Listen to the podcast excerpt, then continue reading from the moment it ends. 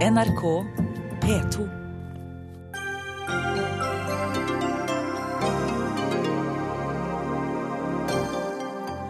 Hva sier de nordiske statsministerne til USAs overvåkning? De er samlet hos Erna Solberg og holder pressekonferanse nå klokka 18.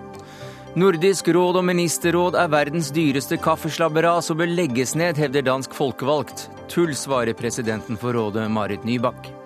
Kirken befraser seg vigselsretten, sier press som mener kirken diskriminerer homofile. Ikke rot dette sammen med homofiles rettigheter, mener visepreses og biskop.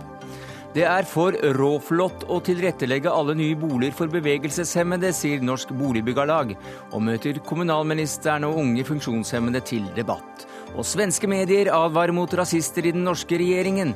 Broderfolket forstår oss ikke, mener Harald Stanghelle, og møter broderjournalist i Dagsnytt 18.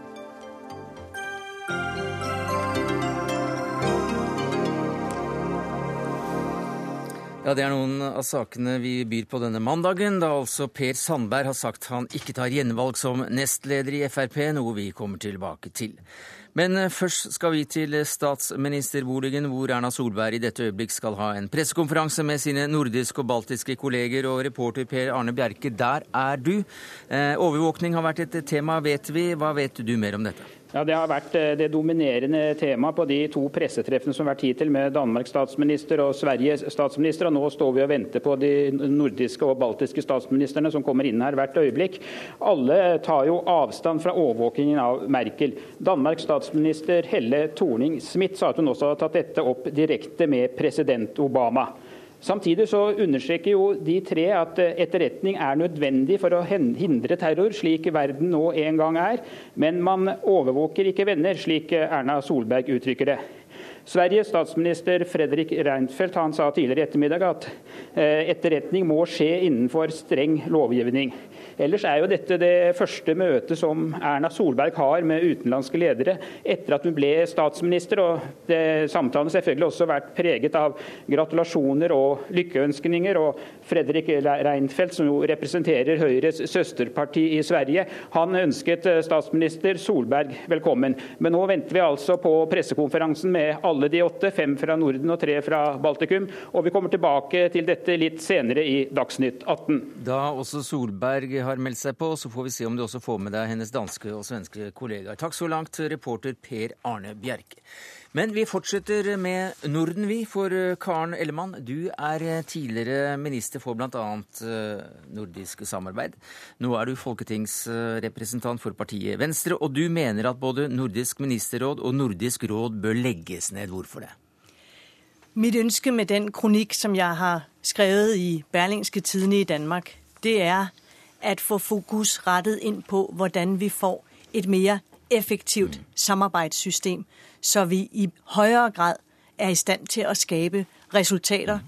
som både kommer oss øh, nordiske borgere til gavn i vores interne samfunn, samfund, men så sannelig også resultater mm. på den internasjonale scene. Og min, og min, påstand er at den, den nuværende øh, modell for det nordiske samarbeidet er for tung den er for byråkratisk. Og derfor så ønsker jeg en, en viktig debatt hvor vi faktisk går inn og sier vi vil og vi må mm. reformere hele det offisielle ja.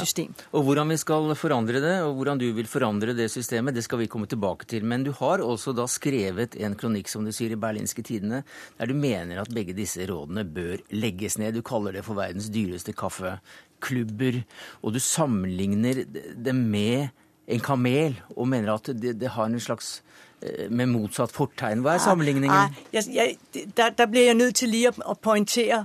Ja, det er korrekt, der er en vittighet om en kamel mm. i min kronikk. Ja. Det er en vittighet som dessverre ikke noe jeg har funnet på, men noe som jeg ofte blir møtt med når man taler om det nordiske samarbeidet. Og den, og den er virkelig ondsinnet, den kamel, og jeg er selv faktisk ret forbannet over den sammenligning. Man sier, eller sammenligning, man sier, hva er forskellen på en kamel og på Nordisk råd. Forskellen er at en kamel jamen den kan arbeide løs, knokle løs i 14 dage uden å få mad og drikke, og Nordisk råd kan spise og drikke i 14 dage uden at utrette noe som helst. Ja. Det er jo en ret grov øh, kritikk, og det bekymrer meg at vores resultater ikke er nok.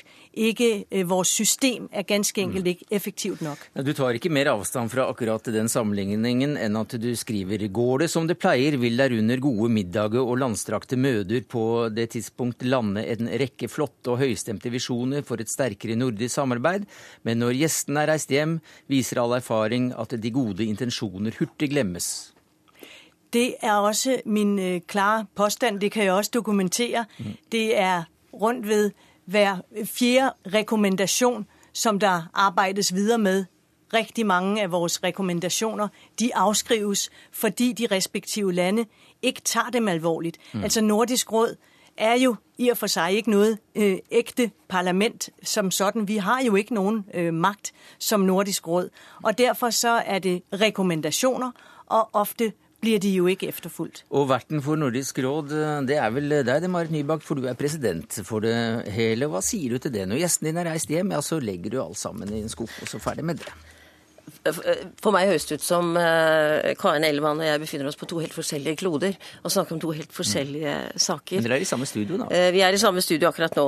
For det første så mener jeg at det nordiske samarbeidet gjennom 60 år har gitt betydelige resultater for vanlige folk i de nordiske landene. Det er et ubestridelig faktum. Det startet med passfrihet veldig tidlig. Eh, og så har vi hatt grensehindersaker om og om og om igjen. Og gradvis har stadig flere grensehindre blitt borte mellom de nordiske land. Mm. Så eh, er det skattespørsmål mellom de nordiske land, det er godkjenning av hverandres utdanninger.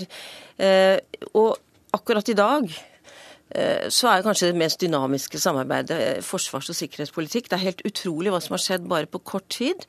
Eh, da med respekt for og innenfor rammen av det enkelte nordiske lands ja. sikkerhetspolitiske forankring. Ja, for du, du, skriver i en pressemelding at nordisk samarbeid er mer dynamisk nå enn på lenge? Ja. Jeg tror det er riktig å si at det nordiske samarbeidet I Nordisk råd? I Nordisk råd, ja. og for så vidt og blant regjeringene også. Mm Eh, dabbet noe av etter at Finland og Sverige kom inn i EU i, i 1994. Det tror jeg skal være ærlig nok til å si. Eh, men nå har det tatt seg opp igjen, og det er mange grunner til det. Ikke minst det at verden ser mot Norden at den nordiske modellen for samfunnsutvikling er noe som folk ser på. Og for oss er det jo veldig viktig å, å jobbe politisk for at den forblir boost. Men kan jeg si én ting til Karen Ja, det kan du få gjøre etterpå. for jeg, jeg, må nesten rette et spørsmål til deg. Så du mener ja? at det ikke er noe kabelslabberas, dette her, til 1 milliard kroner? Eh, jeg fikk noen tall i dag fra våre danske venner, og de sier at eh, Nordisk råd koster eh, hver danske 34 danske kroner per år. Og det tror jeg vi skal mm. greie, fordi Nordisk råd, selv om det ikke er noe parlament, som for så vidt er riktig, så er det en parlamentarikerforsamling. Det er representanter fra mm. stortingene, parlamentene i alle de nordiske land, pluss de tre mm. selvstyrte områdene, som kommer sammen. Og dette er ganske viktig, fordi det her legges det også premisser for den politikken som så skal føres av regjeringene. Det er også mer dynamisk nå enn på lenge. Det vet jeg ikke om jeg er helt enig i, om det er mer dynamisk enn det lenge har vært. Jeg er helt enig i, at det er vigtigt å sikre også fremtidssikre at der er et nordisk samarbeid. Men i den form helt, du har i dag, skal det ikke være? Nei. Og jeg er helt enig i alle de store landvindinger som er oppnådd med passunion, med språkkonvensjon, sosialkonvensjon. Helt klart. Og jeg tror på det nordiske samarbeidet. Jeg ønsker et forbedret nordisk samarbeid. Jeg anfægter bare den nuværende modell som værende meget, meget tung, hvor parlamentarikere og embedsmænd og ministre bruger utrolig meget tid på en lang række møder, og møder koster også penge. Som ikke og, gir resultater? Som ikke gir nok resultater. Der er små resultater, gode resultater, men det jeg taler for, det er at vi er mer fokuseret på at pengene må ut mer decentralt. Det er jo korrekt at der anvendes 1 milliard kroner årligt.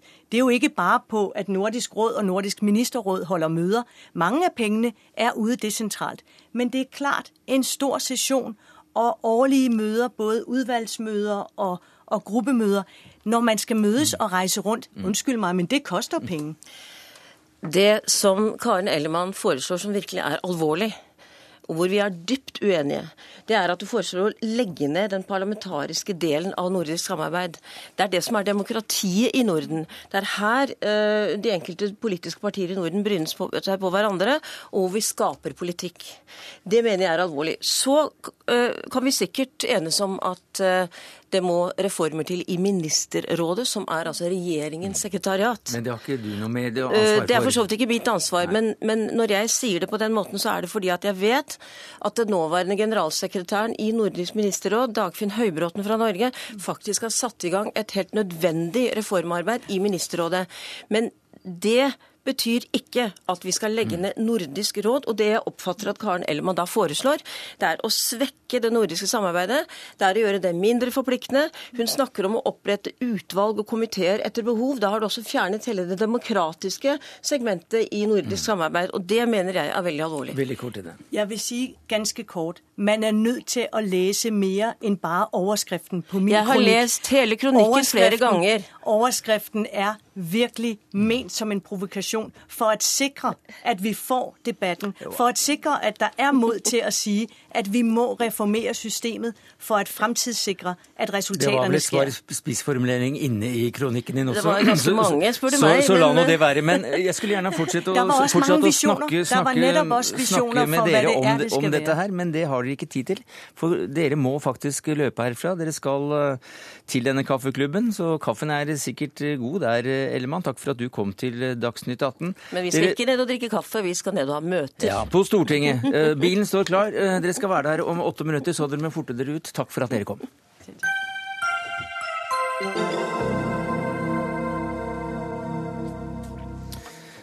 Og mens vi venter på nordiske ministre og hva de sier til USAs overvåkning, så skal vi jammen se på denne debatten om vigselsretten her til lands.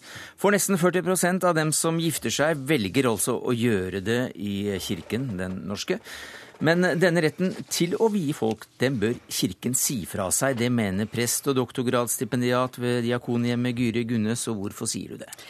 Altså, Jeg er jo ikke prinsipielt imot at Norske kirke skal ha vigselsrett. Men slik situasjonen er nå blitt etter eh, bispemøtets anbefalinger forrige uke, så har vi ingen biskoper i Den norske kirke som er villig til å gå inn for at den felles ekteskapsloven skal gjelde i Den norske kirke. Men det vi har, det er biskoper som vil fortsette med den diskriminerende praksisen som vi har hatt siden 80-tallet, nemlig at heterofile kan gifte seg i kirka, og homofile og lesbiske må bli bedt for. Jeg tenker at Det er en uholdbar situasjon for en organisasjon, for en kirke, som vil, som, som vil bli tatt på alvor i det norske samfunnet. Ja, hvorfor det? Fordi at det er en diskriminerende praksis. og Derfor så tenker jeg at Kirka på etisk grunnlag bør frasi seg den praksisen, sånn at vi får en praksis som blir lik for alle. Hva sier du til det, Tor B. Jørgensen, du er visepreses og biskop i Sør-Hålogaland. Av etiske grunner så bør man faktisk si fra seg denne retten? Ja, Hvis det nå hadde vært sånn at eh, bispemøtet hadde myndighet til å vedta ny eh, kirkelig praksis, så er jeg jo enig i at eh, det ville virke veldig rart, fordi nå to tredjedels flertall av biskopene faktisk går inn for å anerkjenne likekjønnet ekteskap. Men det var jo ikke nok til at, at kirke, Kirkerådet også gikk inn for det? Nei, nå er jo da en prosess som dette er et eh, vedtak som går inn i denne prosessen. Nå skal vi sende over vår uttalelse til Kirkerådet, som så igjen behandler den inn mot et kirkemøte. Og Da er situasjonen etter mitt skjønn en ganske annen, fordi dette er det veldig delte meninger om i Kirken, og langs eh, kanskje også til og med en del andre linjer enn de linjene vi finner i bispemøtet. Så derfor å lese liksom inn i det vedtaket vårt at uh, vi abdiserer, vi åtte, fra å ønske at dette skal endres, det er feil lesing etter mitt skjønn. Jeg tenker at Det er veldig vanskelig å lese det på, noe annen, på, noen annen måte. Jeg tenker at Dere har kompromisset på deres eget standpunkt. Dere ønsker jo faktisk at, viksel, at, viksels, at ekteskapsloven skal gjelde i Den norske kirke, men dere tør ikke ta konsekvensen av det, av det standpunktet, i frykt for å såre denne, eh, de konservative og, og dette med, med, samhold i kirken. Men det er altså et samhold i kirken som lesbiske og homofile som ønsker å gifte seg i kirka, blir satt utenfor. Og Det tenker jeg er, er, er å fortsette en diskriminerende, diskriminerende praksis. og det er å, at dere som som ledere i Den norske kirke eh, eh, kan stå for det, tenker jeg at det er dypt problematisk. Altså, vi, vi, er ferdig med den tiden der man kunne forskjellsbehandle lesbiske, homofile og heterofile. Den, den, den, den tiden er forbi. og jeg tenker at Den anbefalingen dere gitt, viser at dere ikke er i, i, i, i takt med den samtiden som vi, som, som vi lever i. Jørgensen.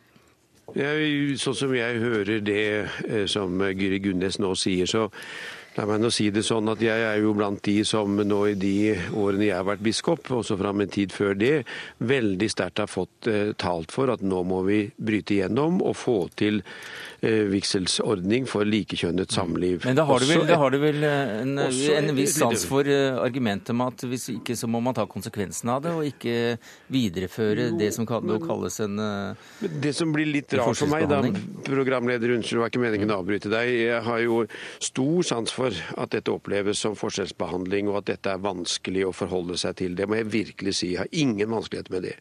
Men vi er i en prosess hvor også bispemøtet da for første gang så tydelig og med en så god og gjennomarbeidet begrunnelse etter mitt skjønn, et stort flertall av biskopene har kommet fram til at de går inn for likekjønnet ekteskap. For det andre så er det jo også viktig å understreke da på veien i denne prosessen, og vi vet jo ikke helt hvordan den kommer til å utvikle seg innenfor rammen av det kirkelige demokrati. Vi vil igjen understreke dette er ikke noe biskopene bestemmer alene, dette skjer innenfor rammen av en kirkelig organisasjon som, som har sine prosesser og sine møter som tar de nødvendige avgjørelsene. Så har vi foreslått at det skal utarbeides en eh, forbønnshandling, som det heter, som altså er en anerkjennelse av dette livet, samlivet, mm. fra Den eh, norske kirkes side. Og det mener mener jo jeg er et kjempeviktig skritt, og jeg undrer meg at Gyrid Gunnes i sin polemikk ikke legger vekt på det. Men det er jo å gi smuler for brød. Altså Det er bare å, å, å institusjonalisere eh, den forskjellsbehandlingen som har vært siden 80-tallet. Eh, det dette å lage formunnshandlinger er, er, bare noe nytt. Og det at en sånn liturgi kommer liksom på trygt eh, tykt papir og med ja, altså det, det, det, Forskjellen er veldig lite, eller altså det er veldig vanskelig å se forskjellen. Jeg tenker at Det, som vil fortsatt være praksisen, er jo at, at kirkelige riter blir en markør på forskjellsbehandling av lesbiske og homofile. Ja, det er mer og, som så, for ja. du mener at debatten om vigselsrett for homofile i kirken er beslektet med kvinner og stemmerett, og også slaveridebatten for noen ja, hundre år siden? Altså, altså De konservative, da, altså mindretallet som Jørgensen ikke tilhører, de, det, det er påfallende at den retorikken som de bruker, den ligner veldig på den retorikken som vi så rundt, kvinne, eh, rundt kvinners stemmerett for, for, for 100 år siden. Og slaveridebatten? Ja, absolutt et par hundre år før. Og jeg tenker at Det er veldig rart at ikke det konservative mindretallet skjønner at nå er det liksom på tide å slutte å bruke mm. den retorikken. Men den, eh, Representanter for den fløyen er jo ikke her, men det er jo Jørgensen. Og din oppfordring til han som eh, visepreses og biskop i Sør-Hålogaland, det er altså da på etisk grunnlag å si fra seg vigselsretten, for det ville vært mer fair? Ja, jeg tenker at de som er ledere for Den norske kirke, de må stå for det de mener. Eh, og ikke kompromisse på det de selv mener, og være like modig som det, som det Christian Schjelderup var i sin tid når han ordinerte den første kvinnelige presten, og, og si vi ønsker å gå inn for at, for at ekteskapsloven skal gjelde i Den norske kirke, og hvis ikke vi kan få en felles og ikke-diskriminerende praksis, så ønsker vi å frasi oss mm. vigselsretten. Jørgensen. Men la meg nå si det sånn at jeg vil jo i hvert fall vente til denne prosessen langs de linjene som gjelder for det kirkelige demokratiet avsluttet. Å sammenligne med Schjelderup er dessverre ikke riktig. Han er en stor helt i mine øyne, og den største respekt for han og det motet han viste. Men den rett og den mulighet har dessverre ikke noen enkeltprest, og heller ikke noen enkeltbiskop i dag. Ordningene er ganske annerledes enn de var på Schjelderups tid. Så for meg, eh, Gyrid, så dreier dette seg i all enkelhet om anerkjennelse av at det foregår prosesser prosesser hvor vi samtaler sammen, og hvor de endringene som har skjedd innenfor meget korte tidsmarginer, er store og viktige, og Derfor så ønsker vi å være med og gå en runde til på det, og ikke nå avskjære oss fra men, den generelle vigselsplikten. Men altså, disse rundene har man gått siden 1975. Altså, Det er forferdelig mange år, og det har vært forferdelig mye lidelse for lesbiske og homofile. Jeg tenker at Denne prosessen stopper jo opp når dere som ledere ikke er villige til å stå for det dere mener. Men Det har vært mange runder eh, her, Gyrid Gunnes, prest og doktorgradsstipendiat ved Diakonihjemmet eh, i Oslo, og vi her i Dagsnytt 18 vi tar jo rundetidene hver eneste gang, vi. Så takk skal du ha. Takk til Tor B. Jørgensen, visepreses i bispemøtet og også biskop i Sør-Hålogaland.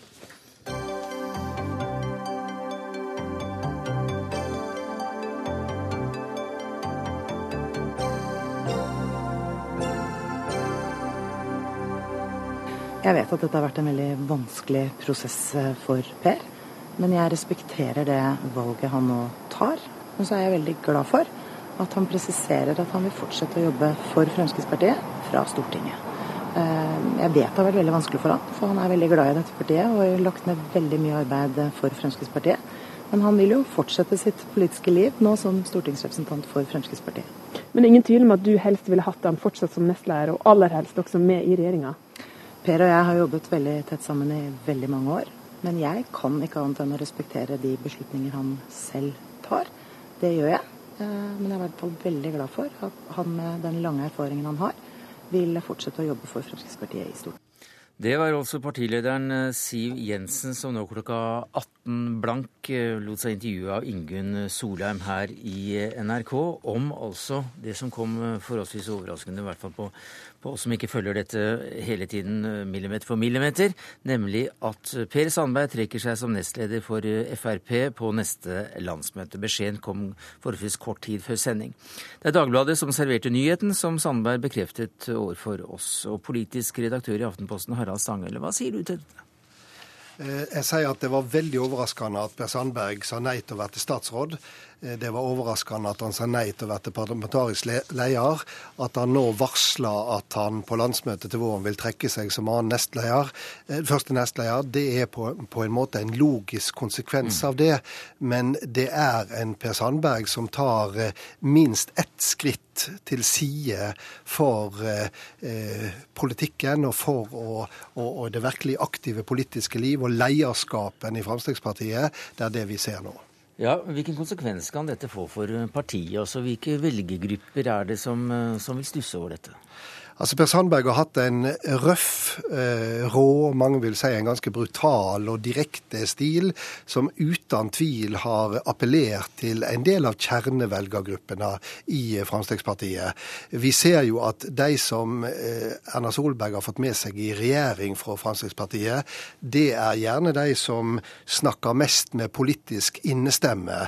Per Sandberg tilhører ei anna gruppe, og det interessante skal jo være å se hvordan eh, eh, Fremskrittspartiet fremdeles kan eh, appellere til en del av sine kjernevelgere, også nå når de må begynne å ta ord som konsekvensanalyse og presedens og utredning mm. i sin munn. Der vil Sandbergs tilside tiltredelse fra politikken, eh, det vil være et tap for Siv Jensen. Ja, for Han sier jo da at han ikke finner motivasjon for å jobbe for det han tror på. Samtidig sier han at han ser fram til fire år som medlem av utenriks- og forsvarskomiteen. Når jeg ikke finner motivasjon for å jobbe med det jeg tror på, bryter en ned seg selv, sier, sier han altså til Dagbladet. Ja, og Det syns jeg er ærlig sagt. Det er sjølransakende sagt. Eh, og eh, det stemmer på mange måter med den direkte personen og politikeren som Per Sandberg eh, er. Men samtidig så hører jo alle som vil høre det, at det for akkurat han å gå inn i utenriks- og forsvarskomiteen, det er et fullstendig sidespor. Det er i Per Sandbergs tilfelle tilfelle ei politisk førtidspensjonering. Jeg ser med glede fram til å jobbe med utenrikspolitisk, forsvarspolitikk, forsvarspolitikk og utviklingspolitikk. Ja, Det er ikke det han har brent for. Han har brent for justispolitikk, en strengere asylpolitikk, eh, samferdselspolitikk. Altså kjernepunktene eh, i Fremskrittspartiets budskap til velgerne. De områdene som har bygd Fremskrittspartiet opp som et stort og viktig parti, og nå et regjeringsparti, det er dette Per Sandberg abdiserer fra. Mens, ja, gjør han det? For han, han, skriver, han sier til Dagbladet samtidig at min politiske død som toppolitiker er betydelig overdrevet. Ja da, dette er ikke noe politisk død, men som jeg sa, det er politisk, som? Ja, det er politisk ja. førtidspensjonering. Ja, for alle vet at det er ikke som utenrikspolitiker at Fremskrittspartiets Per Sandberg vil stå som, som i, i, de politiske og partimessige historiebøkene. Det er som noe helt annet. Så som toppolitiker er han om ikke død, så i hvert fall skranten? I hvert fall de neste åra. Mm. Eh, han har tratt tatt minst ett steg til side. Han har helt sikkert gode og personlige grunner for det, men for Siv Jensen og lederskapen i Fremskrittspartiet så er dette et tap. Vil han komme tilbake? Det aner jeg ingenting om. Men han sier Altså, vi har jo da tilbudt Sandberg å, å delta. Men det er jo da noen som mener at vi kanskje ikke har hørt siste ord om hva motivasjonen for både å trekke seg eller ikke, ikke si ja til en statsrådsstilling, og at han nå trekker seg som, som nestleder, at eh, det endelige, endelige ordene om motivasjonen bak dette ikke er kommet. Og Det kan godt være. Det vi vet, er jo at Per Sandberg kommer med ei bok om eh, nokså kort tid. Og eh, hvis en skal tro eh, forhåndsreklamen fra forlaget, så skal dette være ei brutalt ærlig bok. Så kanskje vi da vil skjønne mer av det som eh, har skjedd de siste 14 dagene. Mot min vilje skal boka hete. Ja, og det kan jo være talende akkurat i dag. Bortsett fra én ting, og det er at det er ingen grunn til å tro at Per Sandberg er pressa til å gjøre dette. Snarere, som vi har vært inne på, eh, så er det nok et tap for partilederen at han gjør det. Dette kom jo da som sagt ganske brått på. Da passet det ekstra godt at vi hadde invitert deg for å snakke om hvordan svenske medier ser på oss generelt, og FrPs deltakelse i regjering spesielt. Men mer om dette da mot slutten av sendinga. Takk skal du ha, Harald Stangele.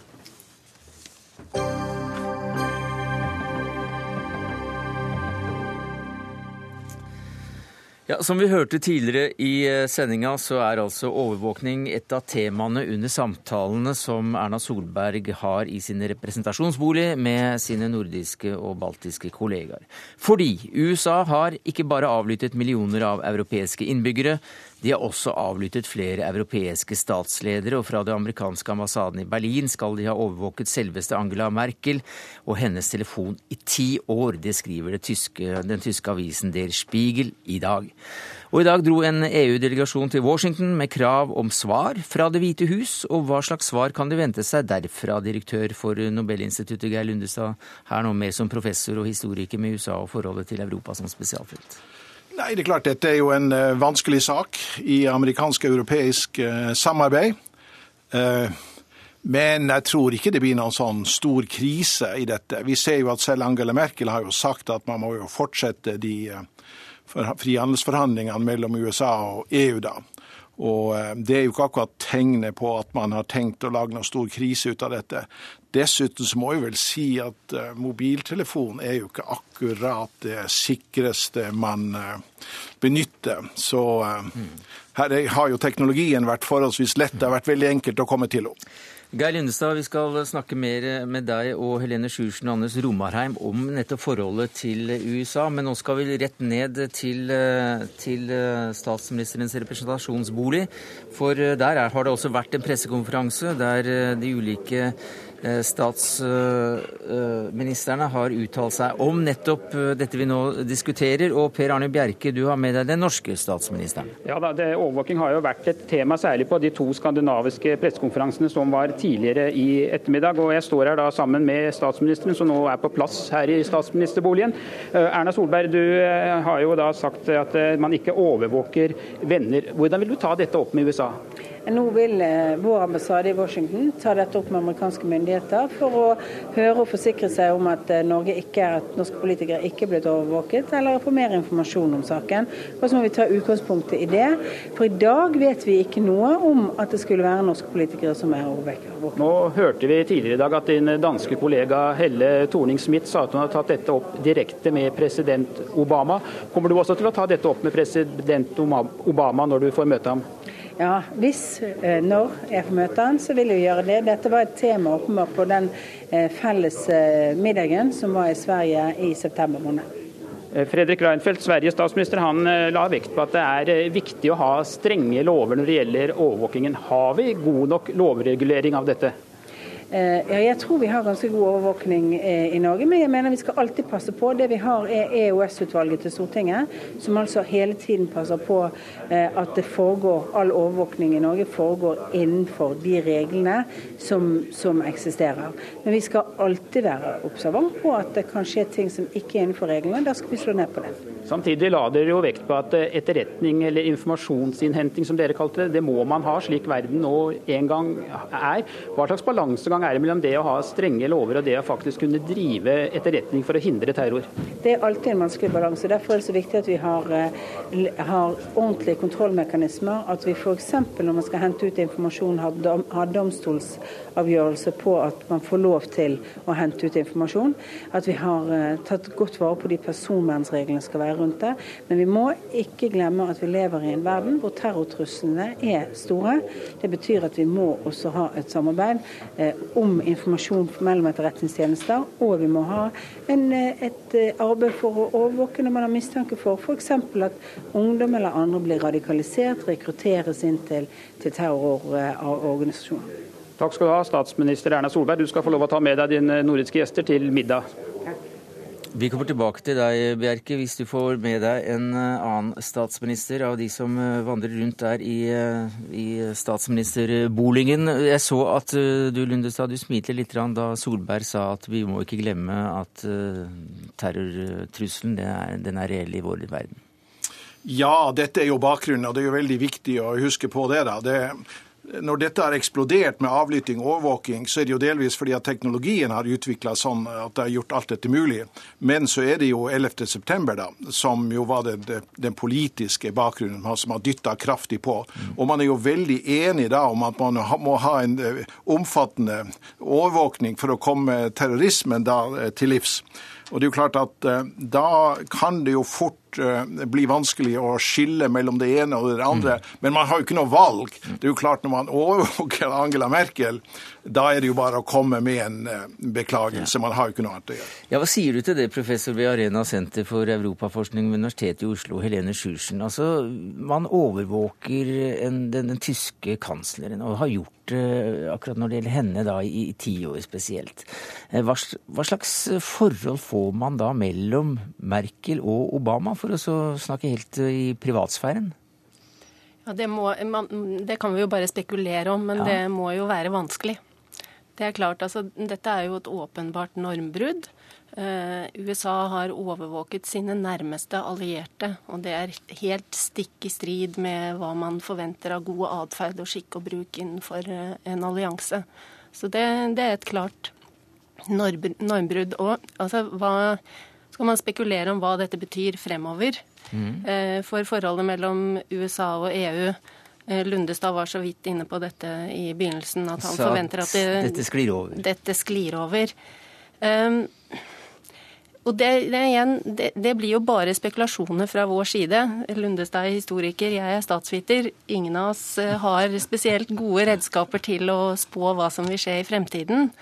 Eh, men jeg tenker at det, det viktigste er egentlig, og jeg syns Solberg var litt inne på det, det viktigste er har man noen verktøy tilgjengelig for å gjøre noe med det. Fins det noen gode kontrollsystemer? Kan man få i, få i stand bedre avtaler osv. som gjør at man på en bedre måte kan sikre seg mot dette i fremtiden? Jeg oppfatter det som et ganske viktig spørsmål. Men forholdet mellom EU og USA generelt, da? Det, det står jo viktige temaer å banke på, på, døra når det gjelder hva som skal skje akkurat i det forholdet framover? Ja, det, det, er flere viktige ting på agendaen. Det største og viktigste akkurat nå er kanskje disse handels Eh, potensielle handelsavtalene mm. Eh, mellom EU, EU, og USA. Og der kan man vel kanskje forvente at det, det, det, vil bli enda vanskeligere enn det det allerede er å komme til enighet om den type, type avtale i et sånt klima som dette her. Så det kan ødelegge en del for forholdet mellom EU og USA? Det, det, vil jeg tro, fordi dette handler ikke bare om at man er uenig om politikk, sånn som man har vært eh, tidligere i sånne transatlantiske kriser. Det er jo ikke første gang det er en krise i alliansen. Men denne gangen så handler det om USA som en troverdig alliert. Altså kan Europa stole på at USA snakker sant? Så det er en krise som er på et helt annet nivå enn, disse tidligere krisene. Det handler om USAs legitimitet som en alliert stat. Eh, nei, jeg er ikke profet. Jeg kan ikke spå om fremtida. Jeg pleier å si jeg spår om fortida.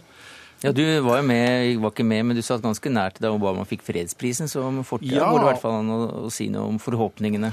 Jeg tror vi er vel blant de få som har fått en bekreftelse på at vi ikke er overvåka på Nobelinstituttet. For det kom jo veldig tydelig fram at Obama var særdeles overraska over at han skulle få Nobels fredspris. Så eh, det var kanskje vel, ikke viktig nok? Det er vel kanskje en indirekte bekreftelse på at vi ikke var overvåka. Anders Romarheim, du er forsker ved Institutt for forsvarsstudier, og vi var jo innom, inne på det. Altså, det, dette med terrortrusselen, den er jo reell. Og det å lage omelett i disse tider betyr vel å knuse noen egg. Og leder for etterretningskomiteen i Representantenes hus sa at franskmenn hadde skålt i champagne hvis de bare hadde visst hva USA egentlig har bidratt med ved å avlytte dem. Ja, nei, det Overvåkning, eh, Det er nye muligheter med teknologiske nyvinninger, som eh, Lundestad var inne på. og Overvåkning spiller en eh, viktig rolle i terrorbekjempelse. Jeg vil faktisk si det sjø, ville være skjødesløst å ikke benytte overvåkning i, i kampen mot terror. I dette det, omfanget? Ikke i dette omfanget, men i et begrenset og spisset eh, og målretta tiltak innretta mot eh, potensielle eh, gjerningsmenn, så er det helt nødvendig. Men å overvåke Angela Merkel er jo en he helt annen sak. Hun er vel, Vi må vel anta at USA ikke mistenker henne for terrorisme. Så da er vi over i en helt annen normbasert spilleregler. Og vi kan få en, en form for tillitskrise. Jeg syns det er litt hardt å si det blir en diplomatisk krise for det, det, pleier å følges av konflikt og umulig krig og den typen ting. Eh, men den krisen som vi har nå, den må ses opp imot eh, nært samarbeid på tvers av Atlanteren helt siden andre verdenskrig. Og det vil overraske meg om ikke dette sklir over, og, og at man da finner en, får ryddet opp i det. Et, et annet poeng er at eh, nå har vi en transatlantisk krise over personlig kommunikasjon, men for ti år siden, i 2003, så var det jo krigen i Irak eh, som eh, skapte splid. Og, og, kommer man seg gjennom den, da tror jeg man kommer seg over at mobiltelefonene har blitt eh, avlyttet. Men jeg ser her at Merkel og Tyskland da ikke har vært de ivrigste til å følge USAs ledestjerne i, i alle, på alle måter. Ja. Kan det være noe av forklaringen til at nettopp Merkel er det er veldig interessant, for uh, Tyskland har jo uh, De var med til Afghanistan, men, uh, men erfaringene deres derfra er veldig udelte. Og det å ha tyske tropper utenfor sine kjerneområder, utenfor landegrensene, har, har de ikke særlig tradisjon for. Og ser vi på de konfliktene som har vært i det siste, med Syria, Libya og intervensjon også fra fransk side i Mali, så er Tyskland hele tida på bakfoten. Og det kan nok hende de har en litt sånn forsterka selvtillit eh, som en regional stormakt som tør å utfordre USA. Mm. Og når du da får en sånn eh, pikant sak eh, på toppen, så, så kan, jo, kan, man jo se at de glir eh, ytterligere fra hverandre. For mm. det, det, det opplever jeg er en trend allerede. Eh, Lundestad, det er også sagt at vi som elsket Obama, vi har fått oss noe å tenke på. Og vet vi nå mer om, om hvor mye Obama faktisk har visst? Nei, det er jo mange spekulasjoner om det, da. Eh, men vi vet jo veldig lite konkret. Men det vanlige i sånne situasjoner er vel at eh, presidenten har godkjent programmet på et eller annet nivå, men det er jo veldig sjelden at man legger fram detaljer for presidenten.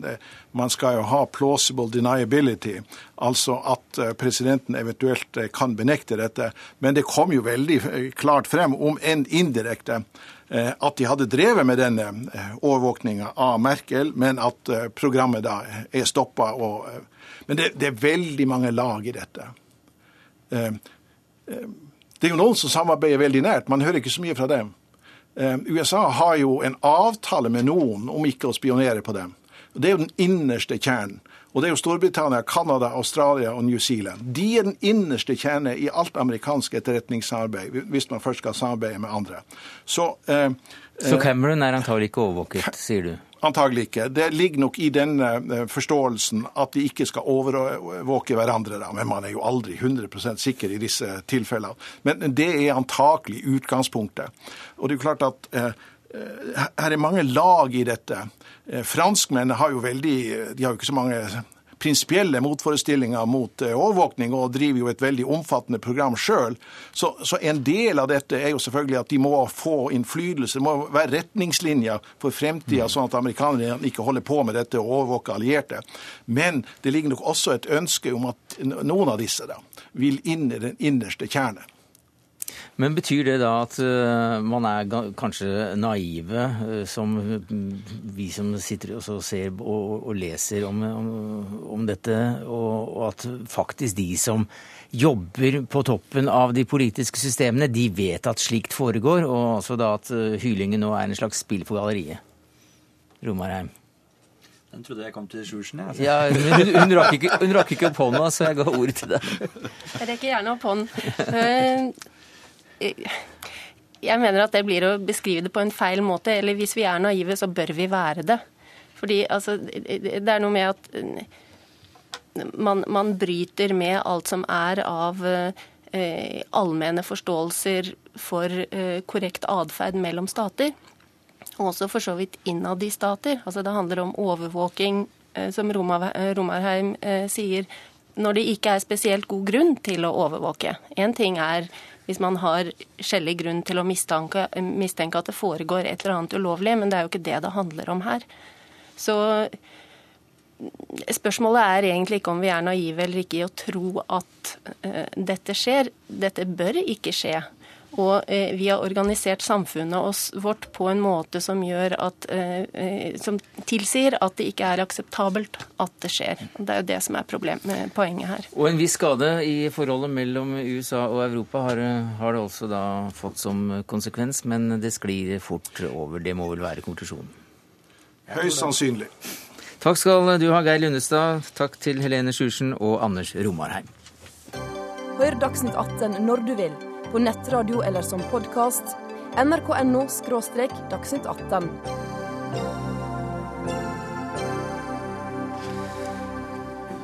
Byggeregler for småleiligheter er eh, neste tema. Eh, I Dagsnytt 18 i dag tidlig, i Dagsnytt i dag tidlig så kunne vi høre at leiligheter under 45 kvadratmeter må være tilpasset rullestolbrukere. Og det er ikke du så begeistret for, Tore Ek. Du er administrerende direktør i Norske Boligbyggelags Landsforbund. For du sier at det å innrette alle boliger for bevegelseshemmede, det er råflott. Ja, det synes vi. Og bakgrunnen for det er jo at eh, vi er eh, opptatt av at eh, yngre mennesker, unge førstegangsetablerere, skal få en mulighet for å komme seg inn på boligmarkedet i en rimelig bolig. Og når vi vet at et Eh, en tilgjengelighetstilpasning av boligen koster eh, kanskje oppimot et par hundre tusen, så synes vi at det er en eh, kostnad som er vanskelig å forstå at vi skal påføre unge som har behov for en bolig. Hva sier du til det, Birgit Røkkum Skarstein, du er styreleder i Unge funksjonshemmede? Nei, Jeg mener at dette er en veldig vanskelig debatt, bl.a. fordi at eh, det går på bevegelsesfrihet mot økonomisk frihet. Eh, og det som kommer fram her, er jo altså en motsetning mellom altså Man prøver å si da, at de lamme sparker bein på de unge. Eh, og det mener jeg er helt feil. For det her, altså den tekniske byggforskrifta som det her er snakk om, det er en, en forskrift som sier bl.a. at vi har en del krav til miljø, til isolasjon, eh, brannforskrifter, altså hvordan det skal være utforma med tanke på brann. Eh, og så sier det noen ting om at alle skal kunne komme seg inn i boligene og bevege seg rundt i dem. Så det handler jo rett og slett om hvilket samfunn er det vi vil ha, hvilke boliger er det vi trenger i Norge for framtida. Eh, og da er det veldig vanskelig å fire på de kravene, eh, fordi det blir for dyrt med en meter heller der. Ja, jeg ser at dette er et, eh, en vanskelig sak. Og det er ingen tvil om at eh, vi skulle ønske at det var greit og enkelt å kunne tilpasse alle boliger, eh, slik at alle kunne bruke dem til enhver tid. Men vi mener at det burde være et, et, unntak for en del av boligmassen, og det dreier seg om de små boligene. Mm. Dette er ikke noe stort problem for de større boligene, for der er det lett å, å tilpasse med den størrelsen det er. Men småboligene, De må gjerne, fordi at vi får behov for å øke størrelsen på soverom, størrelsen på bad, så må de økes i kvadratmetere, og dermed så blir det en ekstra stor kostnad. Og så For øvrig så er jeg helt enig med Birgitte her, at eh, det er mange elementer i de tekniske byggforskriftene som vi har behov for å gå igjennom og se nærmere på. Mm. Og midt imellom eh, Birgit Røkkum Skarstein og deg, så sitter altså kommunal- og moderniseringsminister Jan Tore Sanner. Eh, det er argumenter fra, fra hver side. Hva sier du som egentlig bør avgjøre det? Jeg mener at det er viktig hovedprinsipp at vi skal ha universell utforming. Eh, fordi vi skal ha et eh, samfunn med muligheter for alle. Det betyr altså at det er lagt opp til at det kan brukes rullestol i også små leiligheter? Ja, eh, det er, det er viktig at vi bygger ned barrierer. og Dette handler om funksjonshemmede, men det handler også om at vi får et økende antall eldre som ønsker å bo hjemme lenger. Samtidig så kommer jeg nå til å gå systematisk til verks eh, for å forenkle plan- og bygningsloven. For å forenkle og forkorte planprosessene. Jeg kommer til å samarbeide med byggenæringen for å få opp produktiviteten. Og jeg har i dag varslet at vi vil ha et eget prosjekt for å gå gjennom kostnadene knyttet særlig til de små leilighetene. Eh, jeg ønsker å opprettholde universell utforming som, som hovedregelen, eh, men det betyr ikke at alle kravene i denne forskriften eh, nødvendigvis skal, skal videreføres. For, hva sier du til, til dilemmaet her som Røkkum Skarstein drar opp, nemlig at det er bevegelsesfrihet på den ene siden, og så er det økonomisk frihet på den andre siden. og Disse to hensynene må veies opp mot hverandre? De må veies opp, opp mot, mot, hverandre, men jeg er veldig opptatt av at universell utforming skal være hovedprinsippet. Eh, for det er viktig at vi bygger ned barrierer, eh, og slik at det er mulig både for funksjonshemmede, men også et økende antall eldre som ønsker å bo hjemme lenger. Og mange av de ønsker også å bo i små leiligheter. Eh, og så skal vi gå nå systematisk til verks, og det prosjektet som jeg har varslet i dag, det vil da særlig knytte seg til de små leilighetene. Og da ønsker jeg et samarbeid både med de som er brukere av særlig små leiligheter, men også byggebransjen. Mm. Og jeg er helt sikker på at vi kan klare å forene de to hensynene. Ja, Det er jo litt spesielt at det er rullestoler som blir dratt fram spesielt. Altså, Universell utforming er jo nettopp en betegnelse på at leilighetene skal være universelle. Altså, det skal være mulig å bruke dem for alle. Eh, om du har en rullator, om du er gravid, om du har barnevogn, eh, om du er et lite barn med veldig korte bein, altså den tar høyde for veldig mange ulike behov. Så ser vi, som vi har vært inne på her, at eh, det kan bli litt ekstra plass, f.eks. på badet eller på noe soverom. Eh, og der kan det være smart å putte f.eks. et skap. Altså, det handler om å være løsningsorientert. Jo, men det, Dette er råflott, uh, ifølge bransjen? Det er ikke så veldig mye mer. Eh, det går på, Ifølge Sintef sine beregninger så er det under 40 000 kroner ekstra for å få legge på den ekstra plassen. Er det riktig, slik dere ser det i bransjen? Nei, altså Det er jo ikke de tallene som vi får oppgitt fra de som bygger. og Da snakker vi egentlig om at vi har et behov for å øke kvadratmeterne på disse leilighetene med anslagsvis en oppgitt mot fire kvadratmeter. og De koster jo per i dag dessverre fryktelig mye, så det er 50 000 kroner kanskje per. Det er 200 000 kroner. Jeg er veldig glad for at Sanner sier at han nå har satt i gang et prosjekt. Eh, fordi at det lovte dere i denne politiske plattformen deres fra Sundvolden. Og der sa dere rett ut at dere skulle gå gjennom byggeforskriftenes effekt når det gjelder pris og byggeaktivitet for de minste leilighetene. Og vi var jo helt sikre på at her skulle man også se fordomsfritt på egentlig kravene om tilgjengelighet. Men, men, de... det, men det, signalet får du ikke her, at han skal se nærmere på dette med universell, universell prinsippet? Nei, der registrerer jeg at han er forsiktig i mm. forhold til hva han sier. Eh, men jeg håper jo at eh, man kan gå inn i dette og se nærmere på det, for vi har behov for oss å se det, og vi kan ikke skjønne.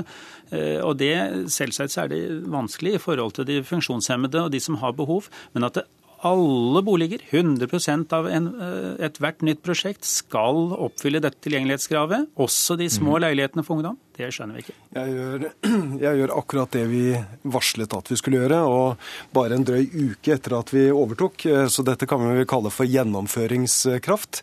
Eh, jeg mener at det er viktig at vi setter ned dette prosjektet nettopp fordi at det også er ulike tall ute og går. Byggenæringen opererer med noen tall. Eh, andre, andre gjennomganger som har kommet tidligere, viser andre tall. Og jeg må da få gått igjennom og sett mm. hva som faktisk er, er riktig. Mm. Og så er det jo også slik at inn, det er ikke snakk om uh, enten skal det være universell utforming, eller skal det ikke være universell utforming. Du må også gå igjennom og se på enkeltelementene i disse kravene for å se uh, hva, vi, uh, hva, som eventuelt ikke trenger å, å, videreføres, men hovedregelen skal være universell utforming. For som vi hørte i morges, så har jo staten vært ganske flink med å gi dispensasjoner for denne universellregelen når det gjelder boliger den selv finansierer. altså Jeg tenker da på disse studentboligene som jo er små, og som ikke nødvendigvis har universelle standard. Ja, eh, men eh, det er to ting i, i, i, forhold til den saken. og Det ene er jo at Eh, dette gjelder ikke bare eh, studentboliger som bygges av det offentlige, det gjelder også studentboliger som bygges av det private. Det er forsvinnende liten del av det. Men, eh, men, men, her er det likebehandling mellom stat og privat. Jo, men de andre, private er så jo, små aktører her at andre, de andre, forsvinner i den store sammenhengen. Det andre, og det det er viktigere, det er at en studentbolig, der bor folk i gjennomsnitt 1,8 år, altså under to år. Mm. Mens en liten bolig, den skal gjelde for hele, hele livstiden. og, og jeg syns det er viktig å understreke at eh, disse kravene det er for, for, at alle skal ha muligheten til å benytte boligene. Både funksjonshemmede og eldre mennesker. Men vi skal gå igjennom kravene, og jeg har varslet at vi skal være veldig konkrete, og vi skal ha effektivitet i alle ledd. Ja, Det stemmer det at eh, studentboligene det er midlertidige boliger. Det ligger i sakens natur. Eh, men langt på vei så er det jo også slik at når unge kjøper en eh, førstehjemsbolig, så er det også en bolig som de har et relativt kort mm. tidsperspektiv på. Så det gjelder også å hjelpe folk inn på boligmarkedet, slik at de iallfall kommer inn der og kan få en boligkarriere fremover. Men altså det gjelder å holde de eldre i boligene sine så lenge som overhodet mulig. Altså Vil vi ha et samfunn hvor eldre er nødt til å flytte på sykehjem fordi de ikke har muligheten til å bo hjemme. Mm. Det handler om å legge til rette for å kunne bruke de ressursene du har på en best mulig måte. F.eks. For, for min del, som også sitter i rullestol, så er det viktig for meg å kunne bo på en sånn måte at jeg bruker minst mulig energi på å bo, så jeg har mest mulig energi til å kunne bidra til fellesskapet på jobb, f.eks. Men hva syns du da om, om eh, statsrådens signaler? Eh, jeg syns det er veldig bra at eh, statsråden eh, har sagt at universell utforming er det som gjelder, og at det er et viktig prinsipp. Og at vi ønsker et samfunn hvor det er normen, fordi vi vil gi alle sammen en muligheten til å være en likeverdig del av samfunnet. Det syns jeg er kjempebra. Samtidig så syns jeg det er veldig fint at statsråden sier at han ikke bare vil se på de markedsøkonomiske interessene til boligbyggerne, som jo ønsker å tjene mest mulig penger, mm. men også ser på de samfunnsøkonomiske interessene til beboerne i Norge som en helhet. For det mener jeg er det viktigste. Jeg sier at du har lyst på ordet, Sanner, men nå fikk du så mye skryt på slutten her at jeg tror vi stopper der. Takk skal du ha som kommunal- og moderniseringsminister, Birgit Røkkum Skarstein, styreleder i Unge funksjonshemmede, og Tor Eik Admdir i Norske Boligbyggelags Landsforbund.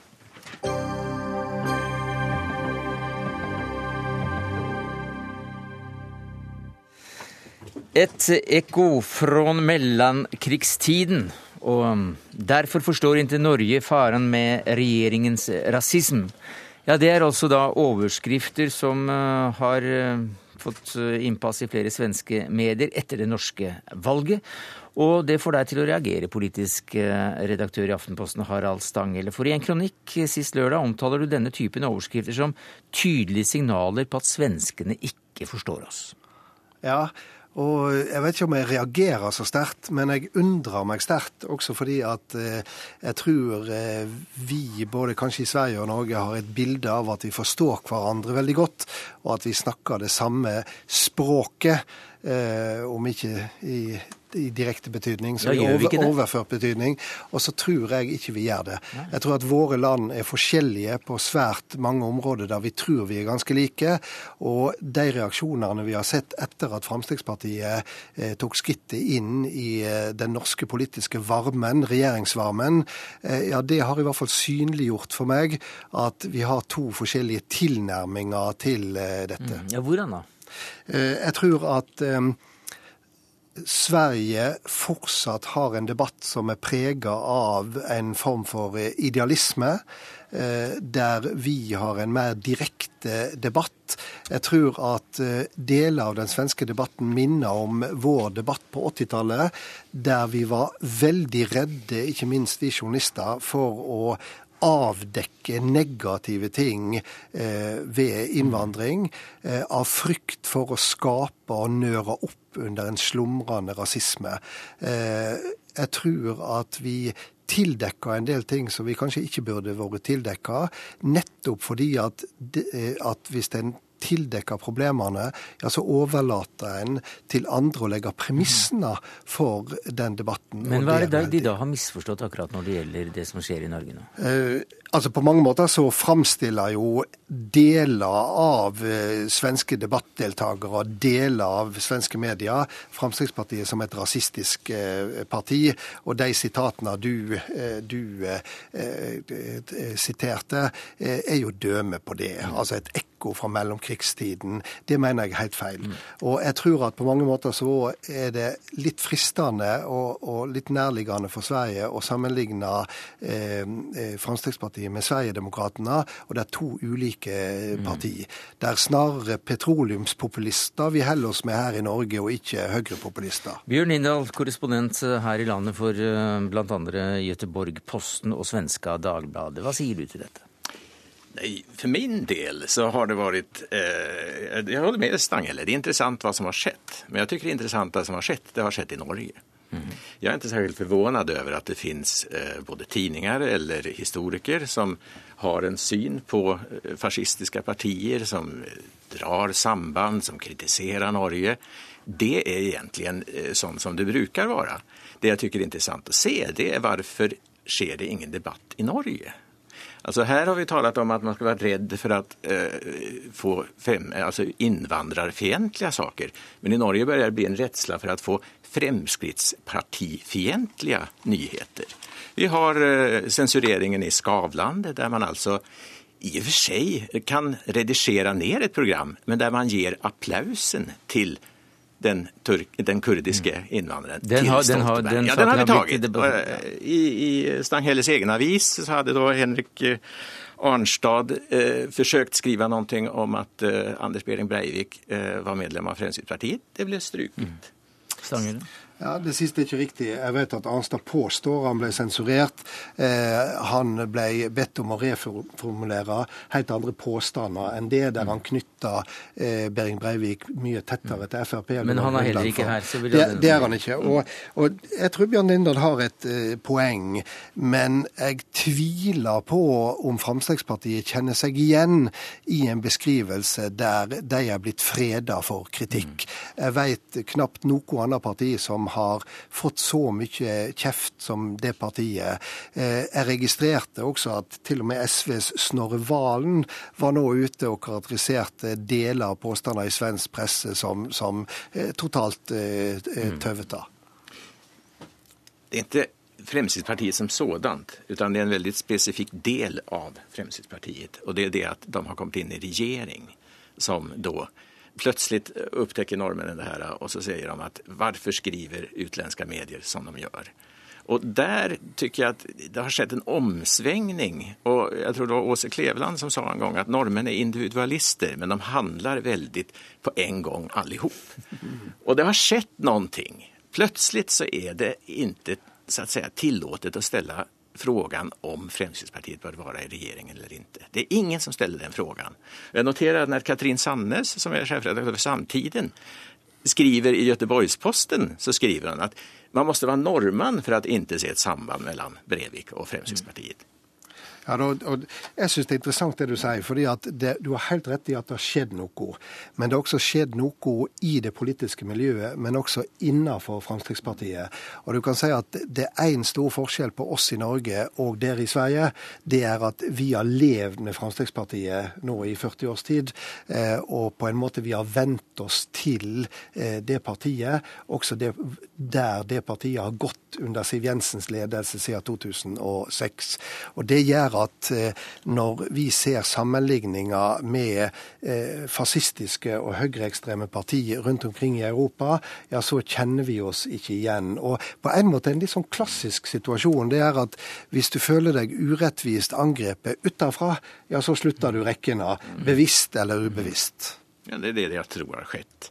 Og, og den sammenligningen med 30-tallet er jo ikke at Fremskrittspartiet er et Hitlerparti, utan det är mera det att man slutade diskutera det här att ett visst parti hade framgångar. Att man, man undlät att kritisera och i Sverige har vi en lång tradition och, och några få som ställde upp mot det här.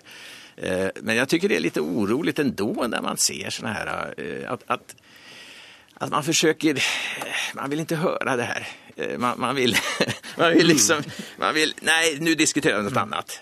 Och det, är det, att det är alltid lätt att förklara varför någonting sker, men det är svårare med att förklara varför det inte sker.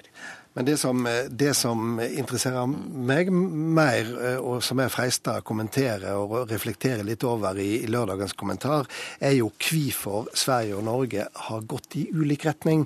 Og hvorfor vi er blitt så forskjellige, og hvorfor vi er nå i, blitt bedre og bedre til å snakke forbi hverandre. Vi har snakket sammen i dag, i hvert fall. Takk skal du ha, Harald Stange, politisk redaktør i Aftenposten. Bjørn Lindahl, korrespondent for Göteborg-Posten og svenska Dagbladet. Det var det vi rakk i Dagsnytt 18 denne mandagen, takket være Dag Dørum, Mai Janne Myrhold og Sverre Tom Radøy. Hør flere podkaster på nrk.no podkast.